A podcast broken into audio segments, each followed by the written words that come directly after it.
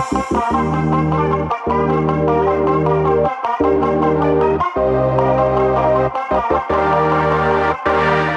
hey hey, welcome to Hot Tea Fantasy Podcast. За манайхаа юу яцгаана? Бүгдээрээ сайн байгаа гэдэгт найдаж байна.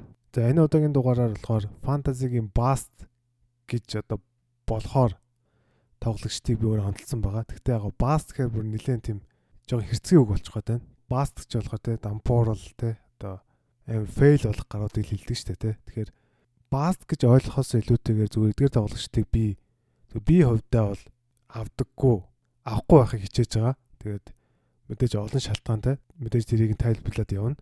Танаа лигийн драфт булааг авах юм бол эдгээр тоглогчдоос бас жоохон зайлс хийвэл бас цохилтой жоохон арай өндрөөр үнэлэгдсэн ийм одоо тоглогч нар байгаа гэж одоо хэлэхэд болно. За тэгээд энэ удаагийн дугаараар болохоор фэнтезигийн бастсуудыг онцолж байна.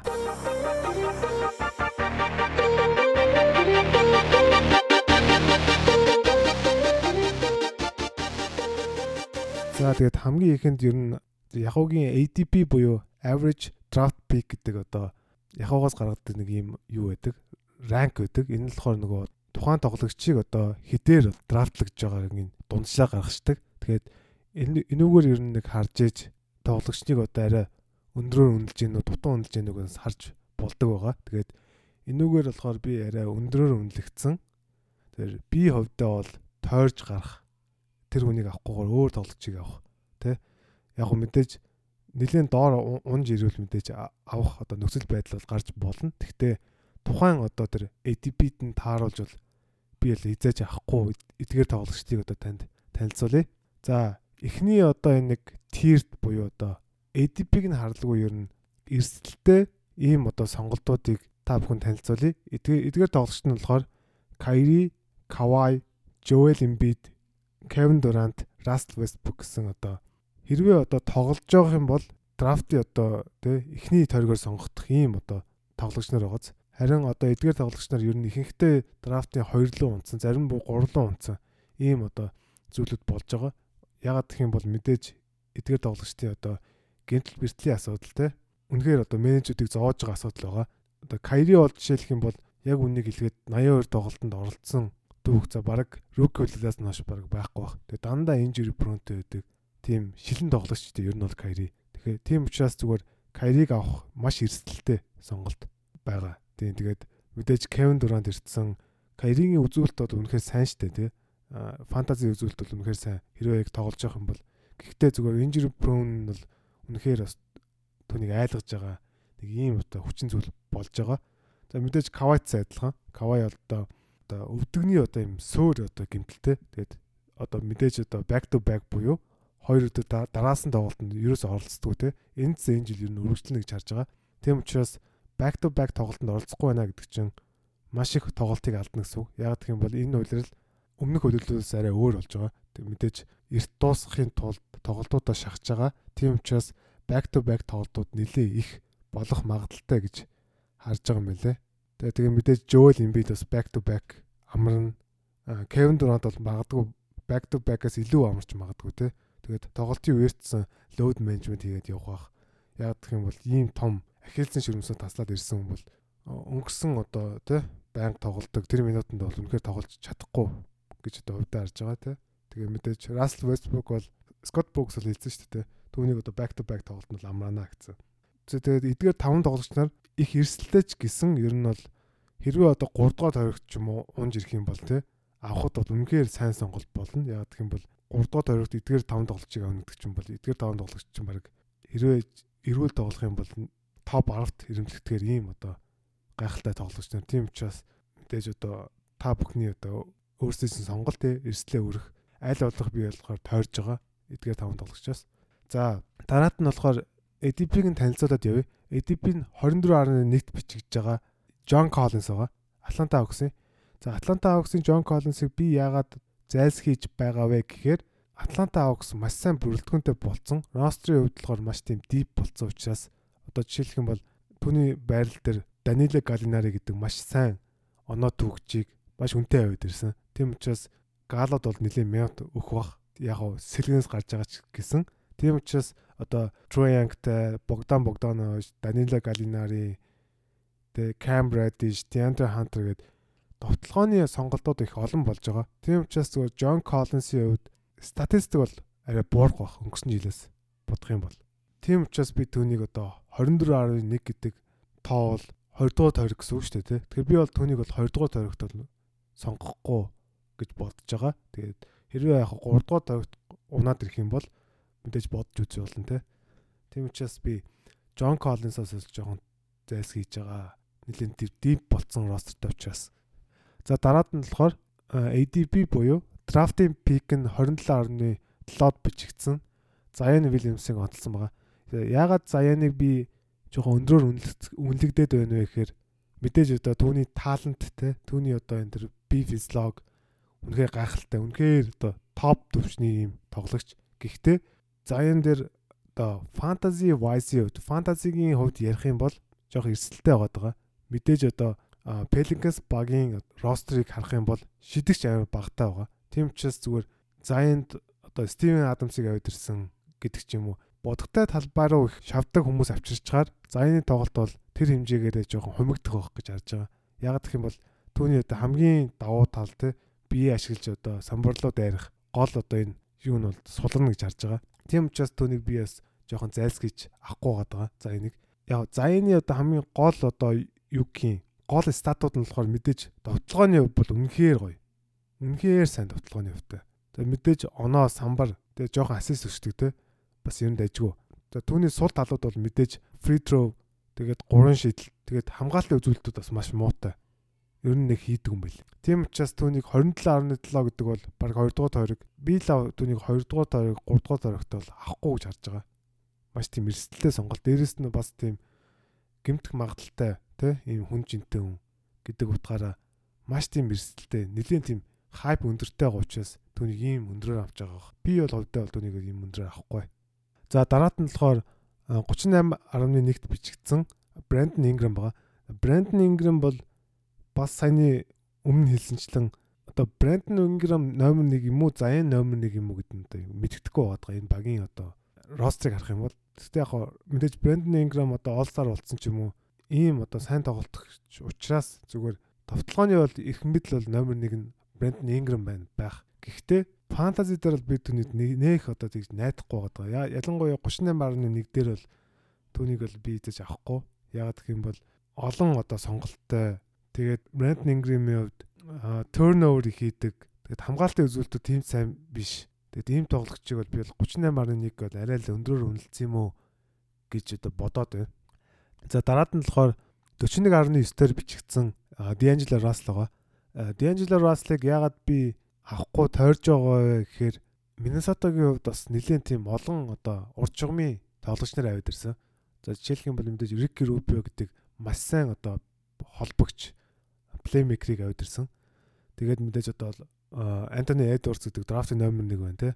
Тэгээд Jared Collier байна. Малик Бизли байна гэдэг ч юм уу. Ер нь минад хуваах тоглогч нар бол маш ихтэй. Гэхдээ Брентон Ингрэм бол энэ багийн номер 2 хамгийн их муу тоглолт мэдээж урж жогмонд.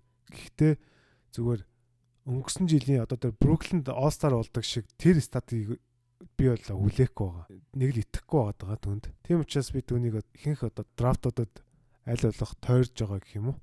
За дараагийн нэг тоглогч нь болохоор 45.3 дээр явж байгаа Kyle Lowry байгаа. За Kyle Lowry-г яагаад би энэ үйлдэлээс авахгүй гэхээр түүний гэмтэл байгаа. Тэгээд дээрэс нь одоо хөгширж байгаа тоглогч улирал бол тэгж их одоо дайчил ч юм уу ер нь олон минут тоглоулахгүй байх гэж харж байгаа нэг нөрсийг. Тэгээд одоо багийн одоо гол одоо плеймейкер Фред Ванфлитийг тавьж байгаа тийм учраас Кайл Лаврыг бол үлээл тэгж их одоо минут тоглоод гайхалтай стат үзүүлээд явна гэж үнэхээр бодохгүй байгаа. Тэгээд үлрэлийн ихэнтс одоо түүнийг гимтэлтэй гэж байх шиг байсан шүү. Тэгээд үлрэлийн ихэнд бас жоохон тоглохгүй ухааны юм ярьсан. Гэтэ яг тэрийг бол баттай сэлж мэдэхгүй байна. Гэтэ 45.3 дээр би лав Кайри Кайл Лаврыг бол авахгүй. За дараад нь болохоор 54.1 дээр бичигдсэн Хасан Вайцад байгаа. За Хасан Вайцад ягаад би түүнийг баст болж магадгүй гэхээр нэгт болохоор Sacramento Kings очсон. Sacramento Kings-ийн одоо rotation бол ерөөс ойлгогддог надад л. Энэ Luke Walton яаж одоо rotation гаргаад дгийг заримдаа одоо нэг хүн их тоглонгоо заримдаа нөгөө хүн их тоглодог ч юм уу. Яг барьж болдоггүй баг юм уу. Одоо тийм сонирн баг. Тэгээд хоёр талахаар мэдээж Решен Холмс гэдэг маш сайн төвтэй. Магадгүй би зүгээр тоглогчийн хувьд болохоор Решен Холмс баг Хасан Вайтс илүү баг. Тэгээд ийм сайн тоглогч байхад энэ хоёр бол Мето хувааж таарна. Тийм учраас Хасан Вайтсыг тийм дээгүүр аваад бол үнэхээр хэрэггүй л гэж бодоод байгаа. Хасан Вайтсад бол үнэхээр фэнтези тоглогч мөн үү гэвэл үнэхээр мөн те. Гэтэ зүгээр энэ жил бол арай өөр байгаад байгаа. Тэгээд мэдээж одоо Марон Багли гэж одоо сайн залуу байгаа. Ниманы Белица байгаа гэдэг ч юм уу.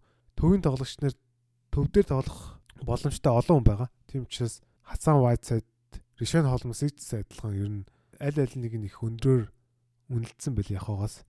За дараагийн нэг тоглогч нь болохоор 50 дээр ирэмтлэгдсэн Мичел Робинсон байгаа. За Мичел Робинсон гэдэг тоглогчийг бол үнэхээр их 2 жил ав би хайплж байна. Тэгэд хэрвээ яг талбай дээр тоглоод яах юм бол до блок, довтлооны яв, самбар гэдэг ч юм уу.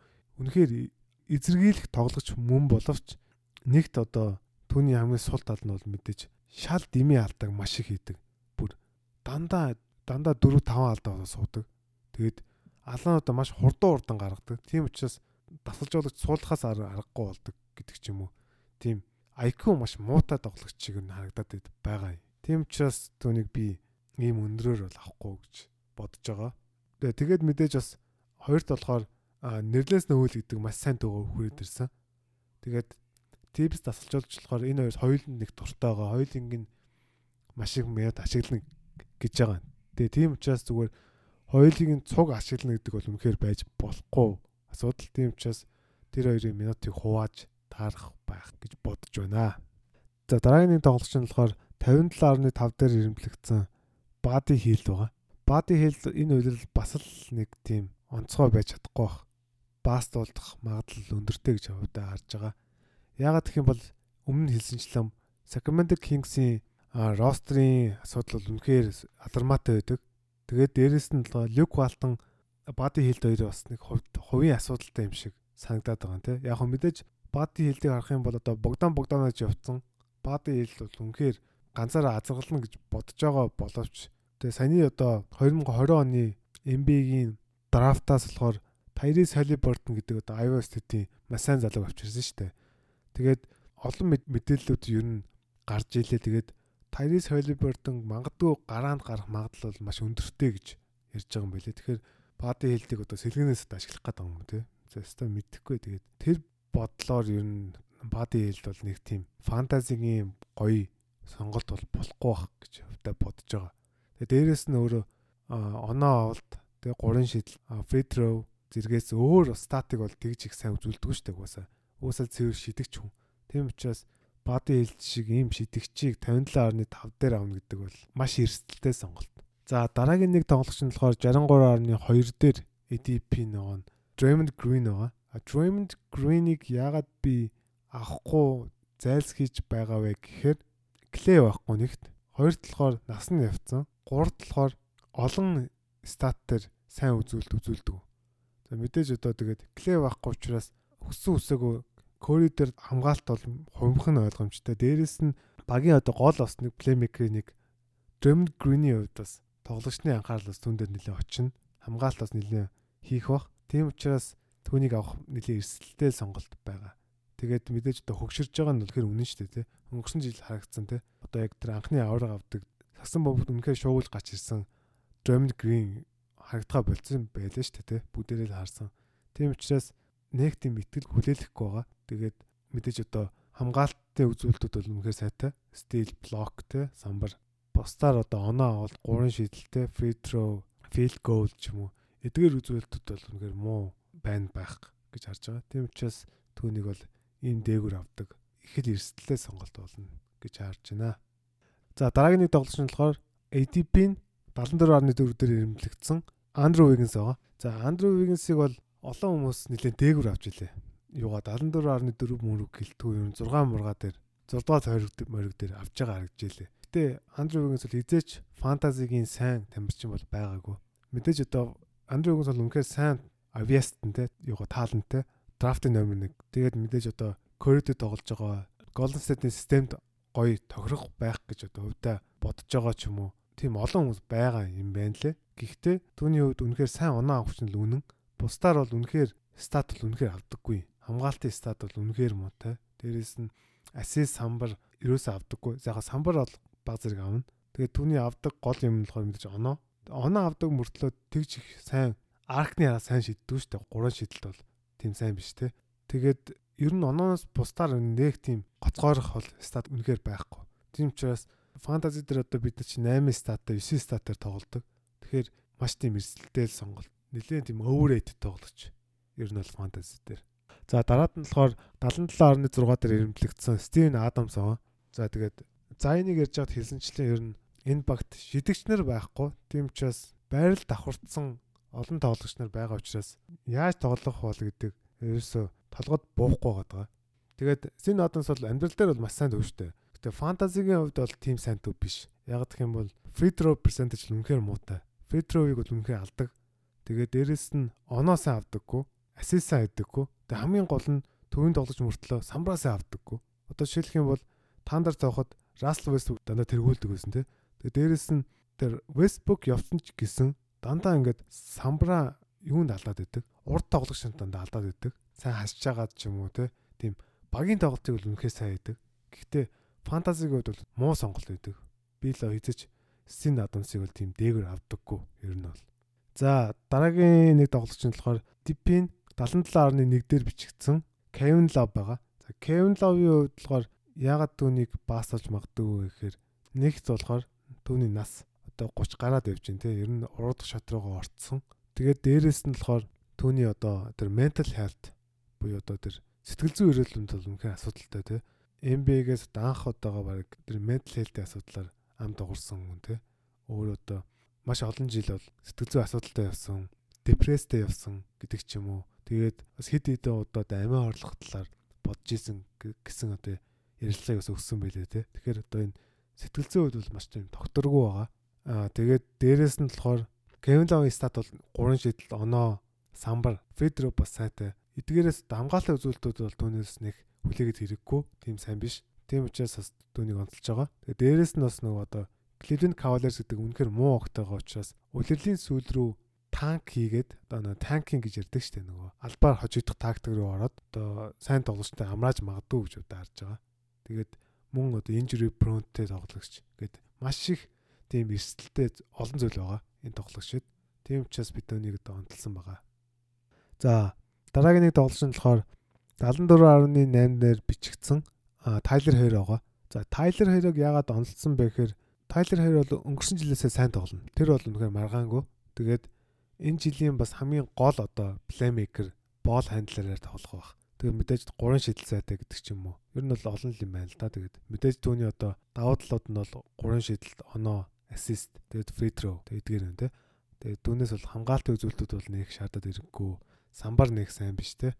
Тэгээд turnover бас жоо хийждэг гэдэг ч юм бас муу үзүүлэлтүүд бас байна те. Тэгээд Tyler Hero-г яагаад би түүнийг авахгүй гэхээр Miami баг одоо үлрэлт маш олон тоглогч нараар ингэж тоглодог. Ер нь бол нэг багаар 13 тоглогч нар их оролцуулдаг шүү дээ. Ер нь бол Eric Spoelstra-гийн хувьд бол тийм учраас зүгээр тэнд түүнийг одоо тэгж их олон минут бас тоглохгүй байх гэж хавдаа хараад байгаа. Тэгээд арай л өндрөөр үнэлэгдсэн юм уу?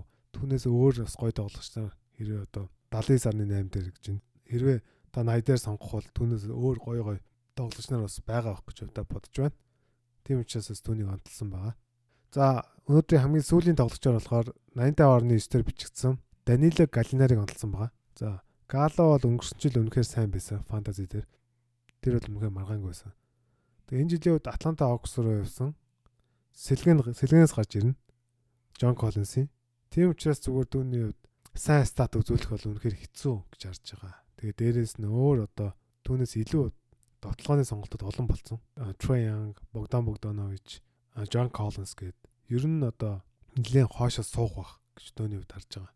Статын хувьд. Тийм учраас би түүнийг бол 85 дээр бол яагаад авахгүй гэж удаа бодож байна. За тэгээд өнөөдөр нэг 10 хэдэн бараг 20 тоглогчдыг онцолчлоо. Тэгээд энэ бол зөвхөн миний хувийн бодол. Тэгээд та бас өөрөөр бодож магадгүй. Зарим тоглогч нар үнэхээр сайн тоглож магадгүй те. Тийм учраас бас авах гэхийн ухаанаар андараа. би л хувьда эдгээр тоглогчныг энэ ранк дээр бол үнэхээр авахгүй. Мэдээж доошоо унах юм бол авч магадгүй одоо ийм сонголтууд байгаа. Ер нь бол их л эрсдэлтэй сонголтууд л гэж хувьдаа харж байгаа. Би бол фантазиг бол илүү тийм сейф тоглогчныг авах илүү дуртай. Ер нь тэгжээж ер нь илүү амжилт үзүүлдэг. Тэгээ та бүхэн мэдээж одоо эдгээр тоглогчны ихэнх нь байх юм бол те одоо солилцоо идэх ч юм уу тэгж одоо өөр тоглогчныг авч болно. Хэрвээ одоо санал нэг биш байх юм бол бас комент үлдээгээрэй те.